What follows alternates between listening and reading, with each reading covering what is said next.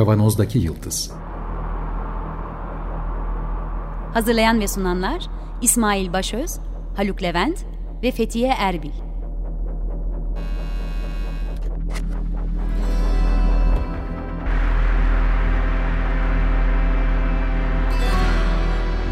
Bugünün penceresinden geleceğin ayak izleri. Merhabalar, Açık Radyo'dayız. 95.0 Kavanoz'daki Yıldız programında sizlerle beraberiz. Yeniden geleceğin ayak izlerini sürmeye devam ediyoruz.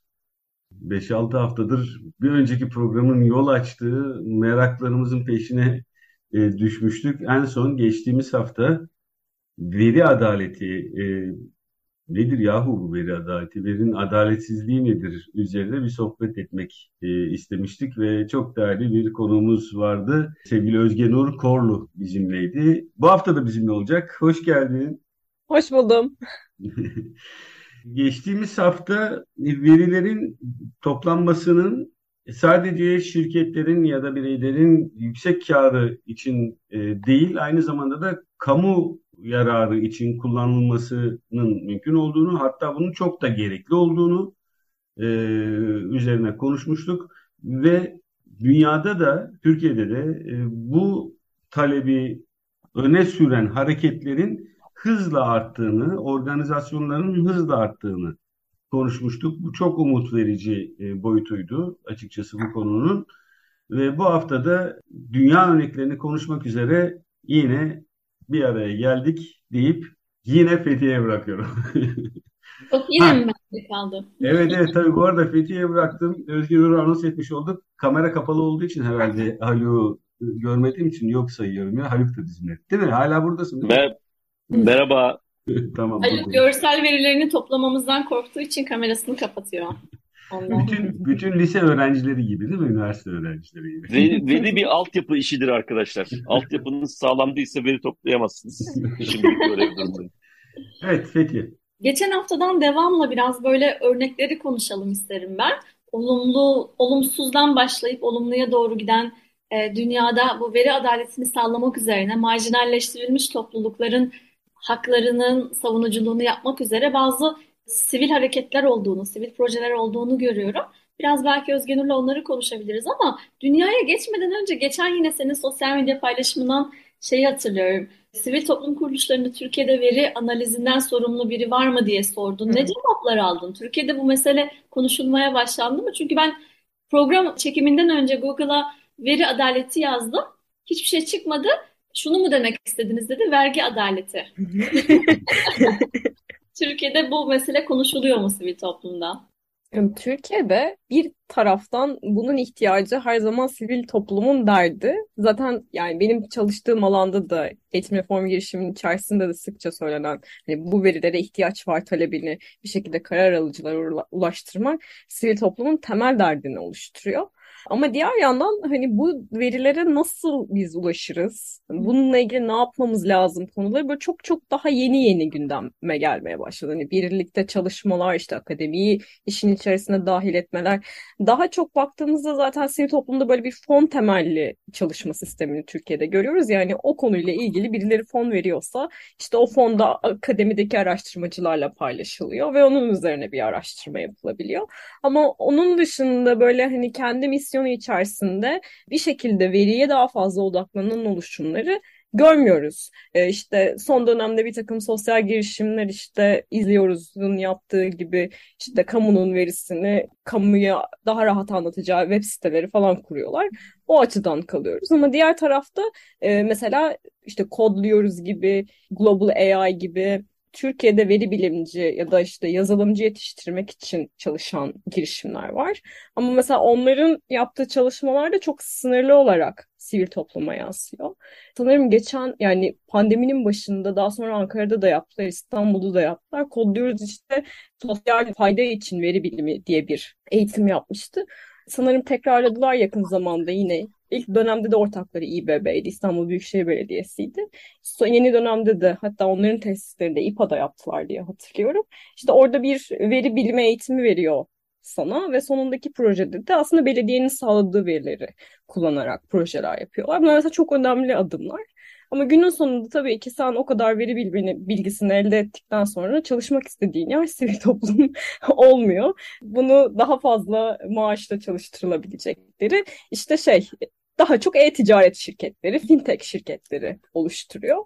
Ama mesela o yetişme sürecinde hakikaten program içerisinde yaptığı gibi tabii ki bu da yani yurt dışında yapılan başka programların Türkiye'ye uyarlaması bu arada. Yani zaten e, çalışan, sevilen de bir model bu model. Onun gibi bir şekilde yetişmekte olan mühendislere, işte veri bilimcilere en azından bitirme projesi olarak sivil toplumun, kamusunun derdini getirerek bir takım problemleri çözmek aslında sürdürülmesi gereken, yapılması gereken yaklaşımlardan bir tanesi. Hazır böyle dünyadan bu konuda iyi örnek de demişken e, biraz oraya atlayacağım. Ama Fethiye'nin sorusunu da unutmadım. Bu sosyal medyada ne, ne diye geri döndüler bana onu da bir, bir noktada geri döneceğim. Burada mesela dünyada çok önemli benim çok da bayıl, bayılarak izlediğim bir girişim var. Çok da iyi fonlanıyor. Ee, Microsoft gibi işte Bill Gates Foundation tarafından e, DataKind diye bir girişim var. Bu aslında bu teknik bilgiye sahip insanları sivil toplumcularla buluşturuyor. Bir tür pro bono ağı kullanıyor. Yani siz zaten bir yerde çalışıyorsunuz ama bir şekilde topluma yaptığınız faaliyetin geri dönmesini istiyorsunuz bir mühendis olarak, bir veri bilimci olarak. DataKind sizi eşleştiriyor onlarla ve bir şekilde bir çeşit gönüllülük evet, evet. çalışma anlamına geliyor pro bono. Evet evet. Evet evet yani pro bono evet pro bono derken onu kastediyorum.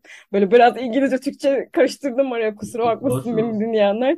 Ee, yani onun o gibi oluşumlar mesela Türkiye'de hiç konuşmadığımız şeyler yavaş yavaş belki önümüzdeki dönemde bunları da konuşmaya başlamak gerekir. Ya da işte akademiyle bu konuda ne gibi işbirlikler yapabiliriz. Bize güzel alan açılabilecek yerler sunuyor. Diğer tarafta işte Fethiye'nin o baştaki sorusuna geri dönersem tabii ki hani benim sosyal medyada benim tweetimi ya da işte LinkedIn'deki paylaşımı görecek kaç kişi diye hani böyle genel bir şey yapamayacağım. Hani herkese ulaştım böyle de güvenilir bir sonuç diyemeyeceğim ama yani geri dönenlerinkisi çok da e, böyle bir pozisyonda birilerinin olmadığına yönelikti. Bak ama Daha burada, çok burada 70 milyon bizi dinliyor. Ona göre Belki bu 70 milyondan dönenler olur daha sonra bana. Ya bu biliyorsun ben bilenler için sivil toplumda özellikle böyle izleme birimleri oluyor uluslararası sivil toplum kuruluşlarının içerisinde işte bu MEAL diye kısaltılan e, birimler. Onun içerisinde izleme e, konusunda uzmanlar çalışıyor işte izleme değerlendirme. Genellikle o titir içerisinde ama o mesela daha bir dönüştürücü anlamda veriyi kullanan değil izleme anlamında kullanılan. Yani dönüştürücü anlamda veriyi kullanmak derken de şunu kastediyoruz. Yani veriyi aldığınız zaman bir şekilde bir müdahale programı tasarlama eğiliminde de olmak. Yani o veriyi o komüniteyle birlikte şekillendirecek yapıya sahip olmak. Biraz uzatacağım ama bir, bununla ilgili bir noktam da şu. Yani biz bir yerden bu veri bilimcileri yetiştiriyoruz, teknik bilgi sahibi insanları yetiştiriyoruz. Bunun için çok da güzel girişimler kuruyoruz Türkiye'de. Ama diğer taraftan bu konudaki yetkin insanları bir şekilde sahanın, sosyal alanın bilgisiyle desteklemiyoruz. Yani ekonomik problemlerden, sosyal problemlerden, toplumsal problemlerden beslenmiş veri bilimcilerimiz, mühendislerimizin sayısı gittikçe sınırlı hale geliyor. Bu teknik bilginin önemsenmesiyle birlikte. Belki bu iş içerisinde bu ağların da kurulması onların da farklı e, şekilde gelişmesini sağlayacak bir şey olabilir. Ve bu noktada ben belki Özge Nur'un da benim de böyle aktif LinkedIn kullanıcısıyım ben son bir yıldır.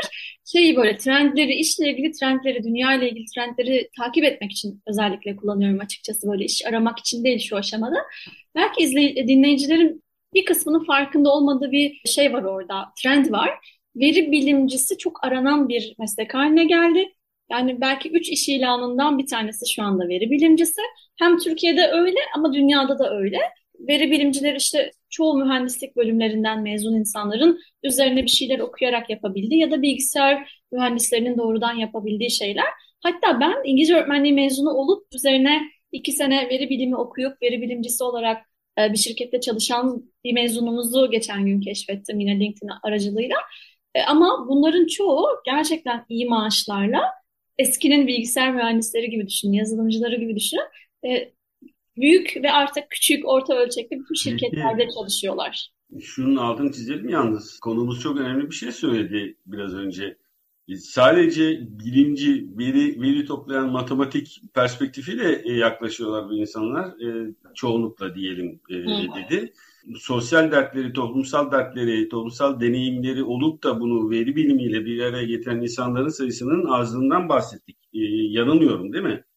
Tabii yani orada şunun da altını çizmek istiyorum. Yani bu eğitim programları bunları içermiyor diyerek söylüyorum. Tabii ki kişilerin bireysel ilgileri vardır, sevgileri vardır ama hani bu eğitim programları sadece bir teknik bilgi yani Python kullanma, işte machine learning öğretme, bu makine öğrenmesi, yapay öğrenmeyi öğretme şeklinde e, ilerliyor. Ben de bir şey söyleyeyim burada. Aslında tabii orada çok ciddi bir problem var. Yani bir bir kere Türkiye'de veri bilimi sosyal bilimcilerin uzağında henüz. Sosyal bilim çalışıp da e, veri bilimi tekniklerine aşina olan yok. E, çok az diyelim. Yok demek abartılı olur. Çok az. E, bir birinci problem oradan çıkıyor. İkinci problem eninde sonunda bütün bu e, hadi şeyi geçsek bile diyelim ki Python ya da işte R gibi, Python gibi platform temelli kolaylaştırıcı programları geçsek bile hadi onların öğretimini e, bu defa istatistik öğretimine ilişkin çok ciddi problemler ortaya çıkıyor. Evet. Çünkü istatistiği biz öğretmiyoruz, öğrenmiyoruz. İstatistiği ezberletmeye çalışıyoruz. Ve bu istatistiği daha doğrusu ezberlemeye çalışıyorlar. Ve dolayısıyla orada algoritmanın esir oluyor. Yani Türkiye'de veri bilimciyi tarif ettiğiniz zaman genellikle mühendislik alanından gelmiş, önüne problem koyduğunda o problemi eğer iyi anlayabil anlatabilirseniz onu anlayıp bir mühendislik çerçevesinde çözüm geliştirebilecek ama bu çözümünde bir algoritma amalgamı şeklinde çözebilecek insanlardan bahsediyoruz. Eğer teknolojik bir şeyse bu farklı ama yani atıyorum işte bilmem nereden bilmem şu sensörleri kullanarak şu verileri toplayıp buralarda bilmem bir veri tabanı yaratma işinde tamam orada çok yaratıcı çözümler oluyor. Ama istatistik bilgisi istatistik kullanımını destekleyecek şekilde olmadığı için bunun toplumsal yayılımı yani bizim burada en çok eksikliğini dile getirdiğimiz, iki haftadır eksikliği dile getirdiğimiz veri adaleti bakımından toplumsal yayılımı e, hiç başlayamıyor. Yani sınırlı kalmak falan gibi değil. Hiç başlayamıyor. Hiç böyle bir şey olmuyor. Herhalde en temel problemlerden bir tanesi bu. Evet, dünya örneklerine dönmek istiyorum. Programımızın geri kalanlarını çok merak ettiğim için. Neler yapılıyor dünyada? Ben şeyi söyleyerek başlayabilirim belki. Hemen Özge Nur'un bize söylediği Data Kind projesi var ya, biraz onu inceleme fırsatım olmuştu. Başlık başlık söyleyeyim. Bu Data Kind projesinde veri bilimcilerle, başka yerlerde çalışan ama gönüllü hani vaktini ayırmak isteyen veri bilimcilerle toplumsal meseleleri bir araya getirme, eşleştirme projesi olduğundan bahsetmişti. Mesela bir tanesinde şey diyor, Afrika'nın bir bölgesinde sanıyorum Nijerya'da kişilerin temiz suya erişimlerini artırmak için tahmin verilerini kullandılar diyor. O Kenya'daymış çok özür dilerim Nairobi Kenya'da. Bunu kullanarak o insanların temiz suya erişimini artırmak üzerine bir proje gerçekleştirmişler. Bir tanesinde İngiltere'de yapmışlar bunu Huddersfield'da. Neyi kullanarak peki? Verileri kullanarak değil mi? Verileri kullanarak tabii tabii. O insanların e, artık belki suyu satın alma, suya erişim rotaları, onlardan topladıkları veriler detaylarını okumak gerekiyor ama tahmin etmeye çalışıyorlar. Hangisi bu insanların temiz suya erişimine, suyu depolamaya erişimine daha iyi bir yöntem, model olur, daha iyi bir yatırım olur diye. E, ve bu problemi çözmek üzerine çalışmışlar. Mesela bir tane başka projede de İngiltere'de gıda bankaları yoksullukla mücadelede önemli bir rol oynuyor biliyorsunuz. Gıda bankasına giden gelen insanların gitme sıklığına, gitme yaşına, e, gitmeye başladığı zamandaki gelir durumuna, iş meselesine bakarak e, Gıda Bankası'na bağımlılıklarını tahmin edip, bağımlı olma ihtimallerini tahmin edip yani tamamen oradan beslenme meselesini, bu istenmeyen bir mesele, hayatlarını iyileştirmek için erken müdahale programları geliştirmişler. Yerel yönetimle işbirliği yaparak. Hani bu kadar insanların hayatına, toplumsal meselelere dokunabilecek projelerden bahsediyoruz.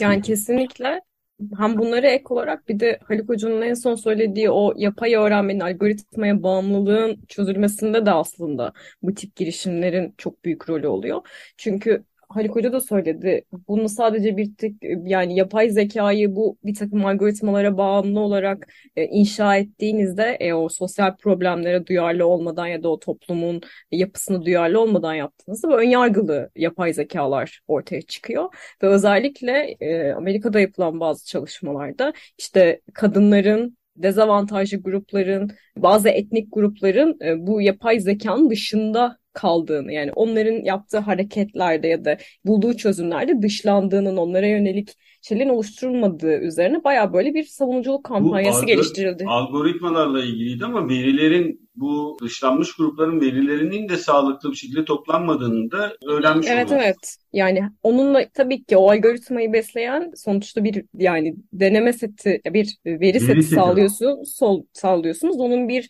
yapay öğrenmede bir kısmını siz tutuyorsunuz, yarısını yapay öğrenme cihazına veriyorsunuz. Dolayısıyla o verinin hangi veriyi ona verirseniz çıkardığı modeli o veriye dayalı olarak veriyor. Kimin verisi eksikse onun modeli, onu, o algoritma, geliştirdiği algoritma da her zaman eksik kalıyor.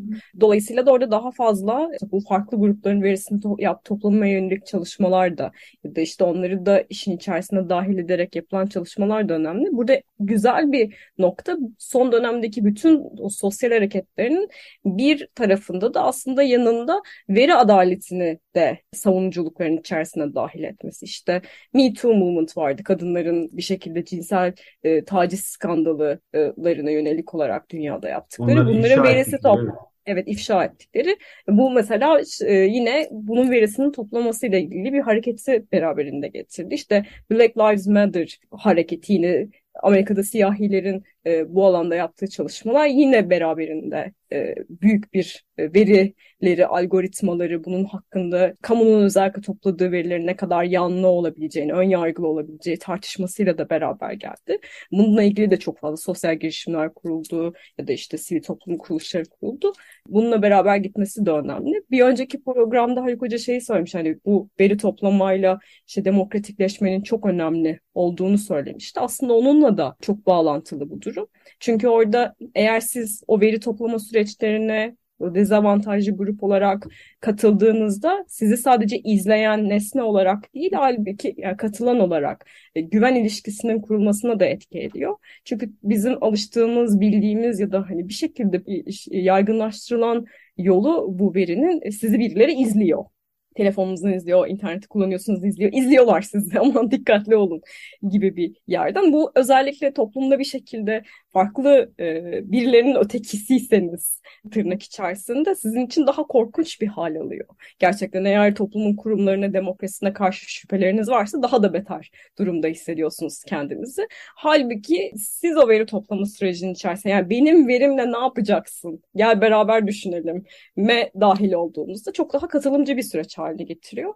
Yani böyle direkt bir örnek vermek gerekirse de işte Amerikan yerlilerinin e, veri mücadelesi bunun örneklerinden de bir tanesini oluşturuyor. Yani onlar da yine işte Arizona'da, Texas'ta yaşadıkları bölgedeki üniversitelerle e, işbirliği kurarak hem kim yani bizim yerli grubumuzda e, farklı alt gruplarda kim nasıl tanınmalı. Çünkü devlete göre işte o onun kanından değil, bu bunun kanından değil deyip böyle otomatik sayıyı düşük göstermeye uğraşıyor. Halbuki sayı daha yüksek. Yani onların farklı mekanizmaları var. O toplulukta kabul edilmenin farklı pratikleri var. Bunu bir şekilde sistemize ediyor üniversiteden aldıkları destek. Ve sonrasında o büyük popülasyon verisinde daha büyük bir grup oldukları ortaya çıkıyor. Dolayısıyla daha fazla kaynak alabiliyorlar devletten ya da işte daha fazla hizmet gidebiliyor onlara. Önemli bir parçası bu anlamda. Zamanda e, yani hem nüfus sayılarının temsiliyetinde hem de işsizlik gibi göstergelerde de eksikler, yanlılıklar, tutarsızlıklar, erişilememe olduğunu gösteren bir rapor var. Bu araştırma merkeziyle yaptıkları çalışmalarda aynı grubu. Bu araştırma merkezi de onları bir veri birimi olarak görmüyor insanları ve birlikte katılımcı yöntemlerle bu süreci işletiyorlar. Hem veriyi toplamada hem araştırma sorularında hem de oluşturulan değerlendirme ve çözüm yollarında bu raporun sonunda da şey diyor yani bu doğru veri toplama oranımızı artırdığı gibi diyor veri adaletini böyle sağlıyoruz. Bir yandan da diyor işe yarar çözümlerin birlikte üretimine de e, katkıda bulundu. Çünkü birlikte ne yapılabileceğini, kendi sorunlarının nasıl çözülebileceğini bulmanın en kolay yollarından birisi o insanlara sormak. O insanlar sana çözüm yolları önerecekler. Araştırmayla, bilgiyle katılımcıları birleştirdiğin e, bir model haline geliyor bu. Ben ben geçerken iki dakikalık bir saplama yapacağım. Çünkü bu başka programların konusu olabilecek bir şey bu söyleyeceğim. Burada bir de ontolojik bir problem var. Yani e, kullanılan makine öğrenmesi gibi yöntemler a priori hiçbir e, önsel hiçbir bilgiyi, teorik bakışı içermeyen, ona değer vermeyen yöntemlerdir. Bu da önemli bir tartışma konusu. Algoritmanın egemenliği de bu zaten buradan kaynaklanıyor bir ölçüde. Ama bu şimdi bu program içerisinde konuşabileceğimiz bir şey değil. Fakat geçerken bunun altını çizelim. İleride beni konuk alabilirsiniz bu konuda. e, konuşuruz. Yani Haluk Hoca'nın dediği bir adam bir şey söyleyebilir miyim bu hemen söylemesine? Ya, bu yüzden de mesela anlama, anlayamadık çünkü ne dedi? Çünkü, yani şey noktasında baktığımızda bu işte nicel nitel veri tartışmaları da bunun içerisinde işte bir şekilde tanıklıkların da veri olduğu tartışması işte sayısal verilere mi dayanacak tartışmaları hep bunun içerisinde. O yüzden daha böyle karışık, mixed method dediğimiz hem nitelin hem nicelin bir araya geldiği araştırmalar aslında dediğimiz bu müdahale programlarının tasarlanması için, daha dezavantajlı grupların desteklenmesi için falan e, bir türlü akademik aktivizm açısından daha çok söylenen noktalar. Ama Haluk Hoca'nın e, dediği yeri de yani biz burada kısaca anlatmak gerekirse bir takım verileri veriyorsunuz ve yapay öğrenme ona göre bir model oluşturuyor. Ama biz normalde insanlar olarak deneyimlerden beslenen böyle bir sürecimiz var. Yani bir takım deneyimleri alıp onun üzerine e, bilgiyi inşa ediyoruz. Önceki öğren bilimde de önceki öğrenmelerden yer alarak bilimi inşa ediyoruz. Ama algoritmada bu değil. Sizin koyduğunuz veriye has bir model ortaya koyuyor. O da tabii ki dediği gibi e, çeşitli sorunlara yol bir sistem. O yüzden her zaman başka yani, bir şeyle desteklenerek çalışılması lazım. Yani şunu demek istiyorum. Biz nedensellik soruşturmasında önce bir teorik model ya da işte önceki deneyimlerimize bağlı olarak e, ortaya çıkmış bazı ön açıklamamız bir teorik bakışımız olur. Sonra veriyle bunu destekleriz ya da desteklenmediğini görürüz bir şey bir şey. Ama burada black box diyebileceğimiz yani bu zaman serisi analizlerinde de vardı bu zaman önce ve çok eleştiriliyordu. Hiçbir nedensellik bağı öngörmeksizin örüntüleri çıkartıp bu örüntülerin içerisinden bir şeyler e, yorumlar çıkartmaya ve ondan sonra bir açıklama getirmeye çalışıyor. Bu yak, bilimsel yaklaşımı yani bizim alışık olduğumuz anlamdaki bilimsel yaklaşımı tersine çeviren bir şey. Ama bunu bu şekilde yapmak zorunda değiliz. Yine bu örüntü yaklaşımını kullanarak ama teorik bakışı da işin içine katarak yapmamız mümkün. Bu son zamanlarda işte yorumlanabilir makine öğrenmesi falan filan başlığı altında bazı öneriler evet. bu tartışmaya getirildi. Ama bu dediğim gibi uzun bir mesele. Şimdi Peki onu e, siz e, Haluk Levent Bey'le irtibat kurarsanız bir sonraki programlardan birinde konuk alalım kendisini. E, tamam. tamam ben ben konuşurum. Telefonu var bende. Tamam anlaştık. Şimdi biraz önceki söylediklerimizi aslında toplamda söylediklerimiz e, başlıklardan birini verilerin toplandığı gruplara bir örnek olarak mesela ki iki hafta önceki programda da ortak veri açık bilim e, etiği konusunda yaptığımız programda da bu örneği söylemiştik. Mesela International Transgender Health Forums bir rıza onam formu ya da araştırmaların nasıl yapılacağını, yapılması gerektiğine dair bir bilgilendirme ve broşür hazırlamış. Ne diyeyim bilemedim şimdi. Mesela onlar kendisi bir araya gelip, bu grup kendisi bir araya gelip kendileri için bu verilerin nasıl toplanması, nasıl değerlendirilmesi gerektiği konusunda hem kendi sınırlarını hem kendi etik çerçevelerini çizip e, hem de araştırmacılarla daha doğru bir iletişim e, kurulmasını da sağlayacak bir organizasyon gerçekleştirmiş durumdalar. Demokratikleşme Harun da dediği gibi bir toplumun demokratikleşmesinde de önemli etmenlerden biri olacağını düşündüğüm bir e, örnek bu. Bu yüzden e, gündeme getirdim. Yani e, grupların, e, toplulukların da kendilerini bu konuda organize etmelerinde karşılıklı çok büyük bir fayda olacağını düşünüyorum.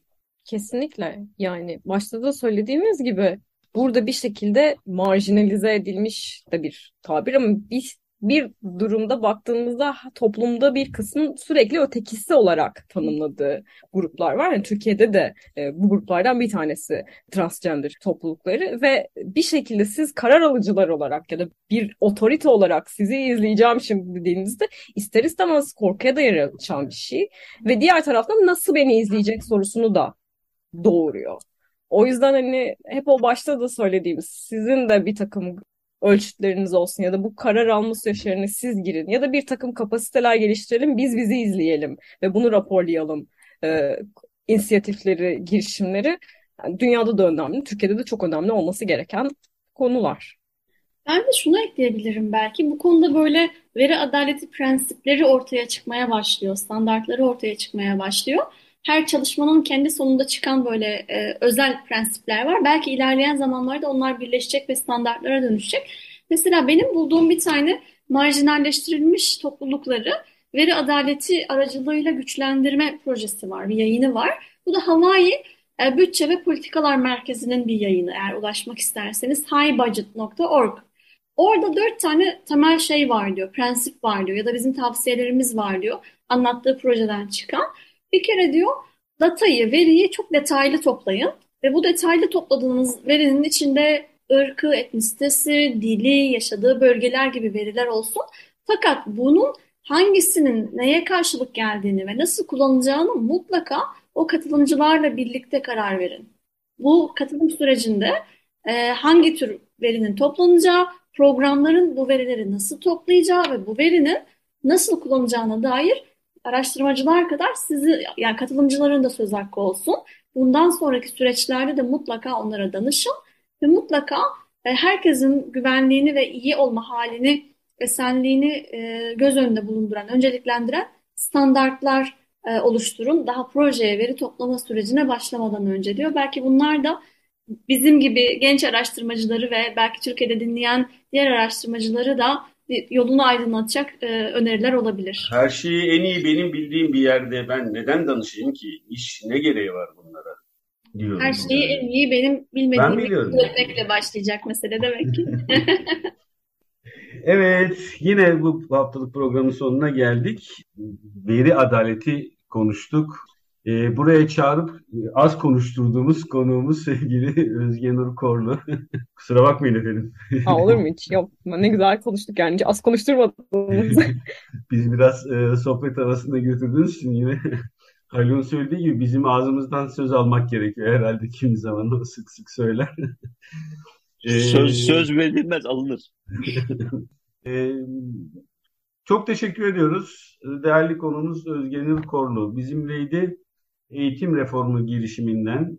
Birlikte olduğumuz için çok mutluyuz biz. Umarım dinleyenler de aynı keyfi paylaşmışlardır. Bu programın size ulaşmasını sağlayan Açık Radyo çalışanı bütün arkadaşlara çok çok teşekkür ediyoruz. Program destekçimize çok teşekkür ediyoruz. Önümüzdeki hafta tekrar görüşmek üzere. Sağlıkla kalın. Hoşçakalın. Hoşçakalın.